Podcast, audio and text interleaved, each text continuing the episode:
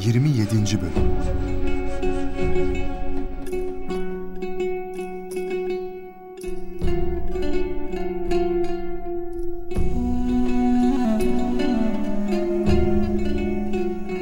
Üçüncü Hişam çaresiz kuleden iner. Büyük bir nezaket içinde büyük camiye götürülür. Yolda giderken halk sessizce olanları izlemektedir.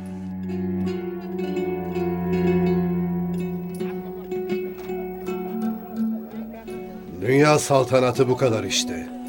Vefası bu kadar işte. Bunu ben mi istedim ki? Şimdi beni suçluyorsunuz. Siz gel dediniz geldim. Git dersiniz giderim. Bu duruma düşmektense kendimi denize atmayı tercih ederdim. Bana ne yapacaksınız? Meşveret meclisi karar verecek. Muhtemelen bir kaleye kapatılacaksınız. Kale dediğiniz zindan değil mi? Bakışınıza bağlı efendim. Nasıl bakarsanız öyle görürsünüz. Benim yüzümden çocuklarım perişan olacak. Onların suçu ne? Hani kimse bir başkasının suçuyla suçlanmamalıydı? Hani nerede Müslümanlık? Neden Müslüman gibi davranmıyorsunuz? Neden? Doğrusu bunu biz de tam bilemiyoruz. İş bir kere çığırından çıktı mı her fasit daire bir başka fasit daireyi doğuruyor. Bir türlü kendimize gelemiyoruz.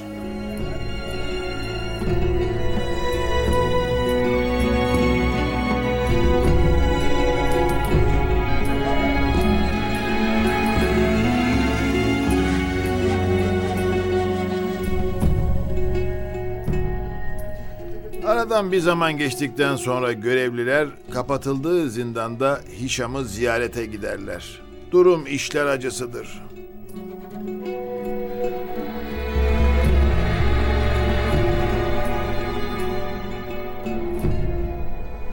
Günler mi geçti, aylar mı? Bilmek mümkün değil ki. Bu karanlık, bu soğuk, bu yokluk, bu açlık, bu perişanlık bitirecek bizi. Allah'ım yok kimsemiz. Kimsesizlerin kimsesi sensin. Medet Allah'ım. Kim o? Neden geldiniz? Ne istiyorsunuz bizden? Yetmez mi bu çektirdikleriniz? Aman Allah. Efendim, ne oldu size? Bunu neden yaptılar? Ağlama yavrum. Ağlama evladım. Şimdi elbiselerimin içinde ısıtacağım seni. Donma ne olur. Ölme ne olur. Bu çocuk donmak üzere. Ya bu kadınlar? Hadi bana kıydınız. Bu masumların günahı neydi? Söyler misiniz? Allah'a ve Resulüne inanan bu kadar zalim olamaz. Olmamalı. Efendim, meşveret meclisinin kararını tebliğ etmek için gelmiştik. Bırakın kararı da şu çocuklarıma sıcak bir yer bulun. Görüyorsunuz donuyorlar. Efendim, önce kararı tebliğ edelim, sonra onları düşünürüz. Karar şu. Halifelik makamı bu haliyle bağlayıcılığını ve eski işlevini kaybetmiştir. Ülkenin birlik ve beraberliğini temin edemiyor. Sadece siyasi ihtirasların tatmin aracı haline geldi. Bu haliyle yürüyemeyeceğinden halifeliğin kaldırılmasına, bu makamı temsil eden Emevi hanedanının da Endülüs'ten sürülmesine karar verilmiştir. Ülke artık bir şura tarafından yönetilecektir.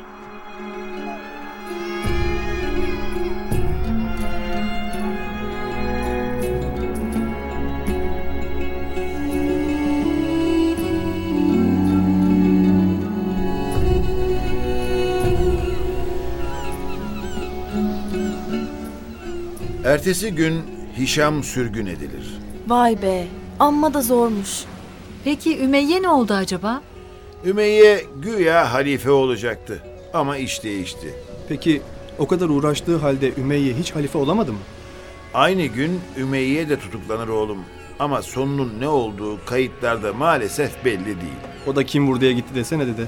Endülüs gerçekten acıklı bir hikayeymiş. 1031 senesinde Emeviler bitmiş oldu. Malazgirt zaferine daha 40 sene var. Konuyu şöylece toparlayacak olursak, Acayip bir tarih dersi oldu dede. Neler anlattınız neler. Endülüs'ün fethedildiği 714 senesinden 756 senesine kadar valiler dönemi yaşanmış.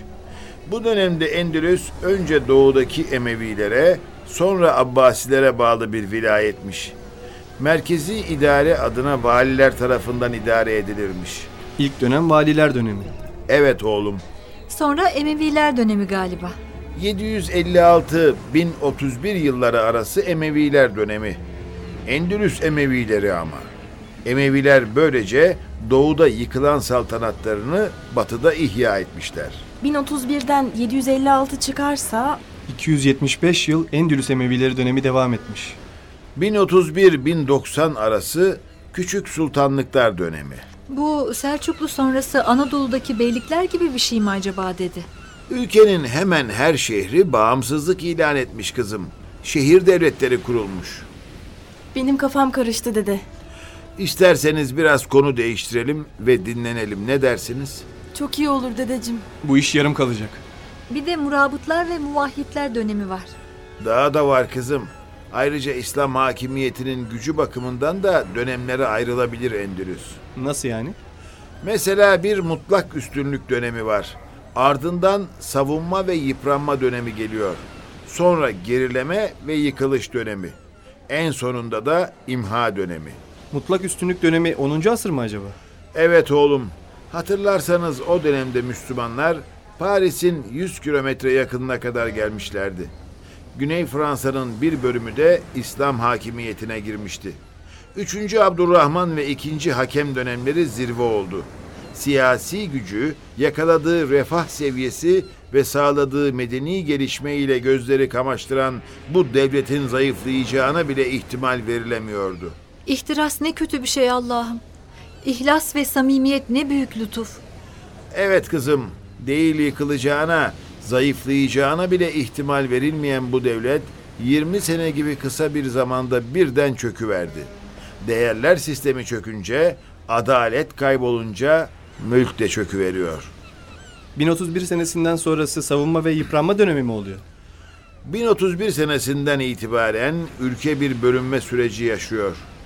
Müslümanlar lehinde olan güç dengesi bozuluyor ve Endülüs Müslümanları o günden sonra hep kazanılmış olanı muhafaza etme derdine düşüyor. Aslında kuvvet dengesi aleyhe bir bozuldu mu bu da mümkün olmuyor. Kısmet olursa bunları da konuşalım. Dede, hani biraz konuyu değiştirecektiniz? Tamam kızım değiştiriyorum. Size daha önce üç öküz hikayesini anlatmış mıydım? Hayır anlatmadınız. Anlattınız galiba. Hayır anlatmadı. Ben bilmiyorum çünkü E, Neyse neyse çoğunluk bilmediğine göre anlatmam uygun olur. O zaman başlıyorum. Zamanın birinde üç öküz varmış. Biri kara, biri beyaz, biri de bozmuş. Bu üç öküz hep birlikte hareket eder, herhangi bir düşmanla karşılaşırlarsa sırt sırta verir, boynuzlarıyla kendilerini korurlarmış. Ne de olsa üçü de öküzmüş işte. öküz olma ortak paydasında birleşmişler. Öküzlerin düşmanları belliymiş demek. Evet kızım. Fakat nereden geldiyse bir gün öküzlerin keyif sürdüğü otluğa bir aslan gelmiş. Önce öküzlere saldırmak istemiş ama üç öküz sırt sırta verip boynuzlarını kullanmaya başlayınca bir türlü yanlarına yaklaşamamış. Uzaktan aslanı seyreden kurnaz tilki aslan yorgun düşünce yanına gelmiş demiş ki saygıdeğer kralım bu üç öküz böyle kimseyi yanlarına yaklaştırmıyorlar. Bu birlik ve beraberliklerini bozmadan, onları birbirinden koparmadan hiçbir şey yapmak mümkün değil. Arslan tilkiden mi akıl alıyor? Bazen aslanlar tilkilerden akıl alıyor elbette. Konuyu dağıtmayalım. Aslan bir düşünmüş. Evet doğru söylüyor. Sonra dikkatle bakınca her birinin renklerinin ayrı olduğunu fark etmiş. Şimdi sıra bu renk farklılığını iyi kullanmaya gelmiş. Güzel bir bahar günü diz boyu otlar arasında öküzler yayılırken yavaşça yanlarına yaklaşmış. Öküzler önce tedbir almışlar. Yok yok yok demiş. Hiçbir kötü niyetim yok. Sadece biraz sohbet etmeye geldim. Ya size bakıyorum da imreniyorum. Çok iyi bir takımsınız. Tebrik ederim sizi. Öküzlerin gururu okşanmış, sevinmişler. Hemen de gaza geliveriyor insan. Benlik önde olunca. Demek bunun için Peygamber Efendimiz biri sizi yüzünüze karşı överse ona bir avuç toprak atın demiş. Günler böyle zaman zaman sohbetlerle geçmiş. Öküzler bakmışlar ki aslanın gerçekten kötü bir niyeti yok. Niyet öyle kolay bilinebilir mi ki? Yani öyle zannetmişler. Hüsnü zan etmişler. Artık aslan teker teker de öküzlerle sohbet ediyor, diğerleri bundan rahatsız olmuyormuş. Bir defasında kara öküz az uzaklaşınca beyaz ve boz öküze gelmiş demiş ki, Yahu siz ne kadar güzelsiniz ama şu kara öküz yok mu? Ta uzaklardan sizi ele veriyor. Bazen şu tepeye çıkıp etrafa bakıyorum. Yani şu kara öküz olmasa sizi kimse fark edemez. Fakat bu kara yok mu kara? Ta uzaktan bağırıyor. Burada öküz var gelin yiyin diye. Bu size zarar veriyor. Eyvah kara öküzü yiyecek. Dur hemen acele etme. Beyaz ve boz öküz arslana inanmışlar. Peki demişler ne yapalım? Arslan ne yapın yapın bundan kurtulmaya bakın demiş. Benden size dost tavsiyesi. Amma da dost tavsiyesi ha. Beyaz ve boz öküz o günden sonra kara öküze karşı biraz soğuk davranmaya başlamışlar. Ama yine de bir tehlike söz konusu olunca birleşebiliyorlarmış. Aslan anlamış ki işi biraz daha ilerletmek lazım. Sabırla aynı konuyu işlemeye devam etmiş. Yine bir gün kara öküz diğer ikisinden uzaklaşınca ben şimdi size hayatımın yardımını yapacağım. Kara öküzü ortadan kaldıracağım. Sizden istediğim sadece işinize bakmanız. Ben gerekeni yaparım. Siz yorulmayın. Oo, bir de yardım ettiğini söylüyor. Zehri teneke kupa içinde sunmazlarmış. Beyaz ve boz öküz aslana inanmışlar. Otlamaya devam etmişler. Aslan kara öküzün hesabını görmüş. Bir güzel parçalamış, yiyeceğini yemiş, kalanlarını da çakallara, tilkilere, akbabalara ve diğer hayvanlara bırakmış. Beyaz ve boz öküz hiç oralı olmamış. Bence birer birer yiyecek öküzleri. Ya acele etme dur biraz. Günler geçmiş, aslan yine acıkmış. Bu defa boz öküzle yakınlık kurmuş. Sen var ya diyormuş boz öküze, bizim sürümüzün arasına girsen kimse senin öküz olduğunu anlayamaz. Baksana renklerimiz nasıl da birbirine benziyor. Ama şu beyaz, ne olmuş beyaza? E beyaz, işte apacık öküz. Bu beyaz öküz sana zarar veriyor. Bundan kurtulmaya bak. Kendini koruyabilmen için bu beyaz öküzden kurtulmalısın. Arslan boz öküzü bal gibi kandırıyor. Bazen insanlar da böyle kandırılabiliyor. Boz öküz aslana inanmış. Mümkün olduğu kadar beyaz öküzden uzak durmaya başlamış. Aslan zaman zaman boz öküzün yanına geliyor, saatlerce konuşuyorlarmış. Beyaz öküzün aklına herhangi bir kötülük gelmiyormuş. E, öküz işte ne dersin? Ve zaman gelmiş, aslan boz öküze demiş ki, ben izin ver seni bu öküzden kurtarayım. Öküz olur demiş. Beyaz öküzü değil de aslanı kendisine dost zannediyormuş. Beyaz öküz az uzakta otlarken aslan gitmiş, beyaz öküzün de hesabını görmüş. Boz öküz Gırnata şehir devleti mi olacak? Şu an bilemiyorum. Zamanı gelince hep birlikte karar veririz. Beyaz öküz aslana ve diğer hayvanlara yem olunca boz öküz rahatlamış. Artık kimse onun öküz olduğunu bilmeyecekmiş. Nasıl bilemez dede? Bal gibi öküz işte. Aradan günler geçmiş ve aslan yine acıkmış. Boz öküz bakmış ki aslanın bakışı bakış değil. Ben de bozum canım. Boz bozu yer mi demiş içinden. Aslan hiç kusura bakma öküz kardeş demiş. Evet sen de boz olmasına bozsun ama boz bir öküzsün. Benim için önemli olan senin boz olman değil öküz olman. Hiç boşuna engel çıkarma bana. Hiç boşuna ağlama sızlama. Sen kara öküzü gözden çıkardığın gün işin buraya geleceğini tahmin etmeliydin. Şimdi uzat boynunu da zahmet çekmeden parçalayayım seni. Öküz var gücüyle kendini savunmak istemiş. Sonra kaçmaya teşebbüs etmiş ama nafile. Olan olmuş. İnsanları da böyle bölüp parçalayıp yutmuyorlar mı? Bu hikaye bize lazım olacak. Endülüs'ün bu yeni döneminde zaman zaman bu hikayeyle bağlantı kuracağız. Aslında şu anda dünyanın çeşitli yerlerinde yapılanlar da bundan çok farklı değil. Değil mi dede? Ülkenin bölünmez bütünlüğü, birlik ve beraberlik bunun için çok önemli. Bunun için oyuna gelmemeli insan. Endülüs'te Emevi halifeliği yıkılınca idealini yitirmiş bir toplum çıkıyor ortaya. Tesbihin ipi kopuyor yani. Ve artık mücadele idealist Hristiyanlarla ideali kalmamış küçük Müslüman topluluklar arasında cereyan etmeye başlıyor. Küçük hesapları olan Müslüman topluluklar. Ve sonunda hepsi de ideali olan gruplara yem olmaktan kendilerini kurtaramıyorlar. Toplumlar içinde gayeyi hayal ya da müşterek ideal çok önemlidir yavrum. Çok. Hristiyan İspanya'nın ideali Reconquista'ydı değil mi dede? 1031 senesine kadar Endülüs Müslümanlarının tek devleti vardı. Her Endülüslü Berberi olsun, Arap olsun, İspanyalı olsun hepsi benim devletim dediği zaman sadece ve sadece bu devleti kastediyordu. Ve bu devletin düşmanlarına karşı kolaylıkla birleşebiliyorlardı.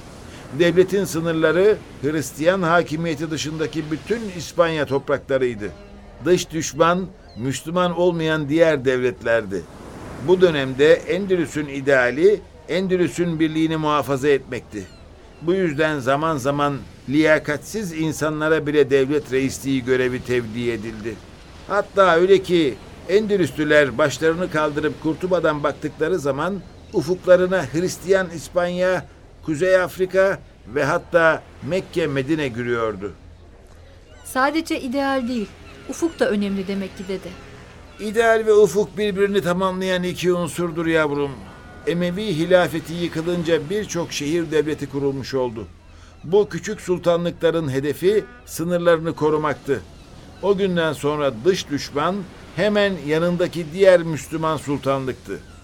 Dış yardım icap ettiğinde bu sultanlıklar birbirlerine karşı Hristiyan krallıklardan yardım isteyebiliyorlardı. Ne kadar kötü bir durum. Tam üç öküz hikayesi işte. İş tamamen zıvanadan çıkmış dede. Mesela Tuleytula'ya hükmeden Zinnuniler, Sarakusta'ya hükmeden Hudiler karşısında üstünlük sağlayabilmek için Navarra Krallığından yardım istemiş. Yardıma gelen Hristiyan askerler tam hasat mevsiminde Hudilerin arazilerini, mahsullerini yağma etmiş. Kendi ülkelerine götürmüşler. Bir sene sonra aynı askerler bu kez Hudilere yardım görünümünde Zinnunilerin imkanlarını yağma etmişler. Kazanan her halükarda Hristiyanlar, kaybeden de hep Müslümanlar. Bu gelişmelerin devamında Reconquista yeniden hortlayıveriyor. Aslında daha önce de söz ettik. Daha 750 yılında İspanya'nın kuzeybatısında kurulan Asturias Krallığı, Müslümanların Endülüs'ten kovulmasını bir büyük ideal olarak ilan etmişti. Anadolu'nun Türkler tarafından fethinin başladığı 1071'den itibaren de şark meselesi ortaya çıkıyor. Burada da hedef Anadolu'nun Müslüman Türklerden temizlenmesi. Hatta Birinci Dünya Savaşı sırasında İngilizler, Türkler insanlığın insan olmayan numuneleridir. Ya Orta Asya bozkırlarına sürülmeli ya da Anadolu'da imha edilmelidir diyebiliyorlardı. Maşallah. Çok güzel ifade ettin kızım. Aynen bunun gibi Kastilya Kralı 6. Alfonso, Reconquista'nın dayandığı temel stratejiyi şöyle ifade ediyordu.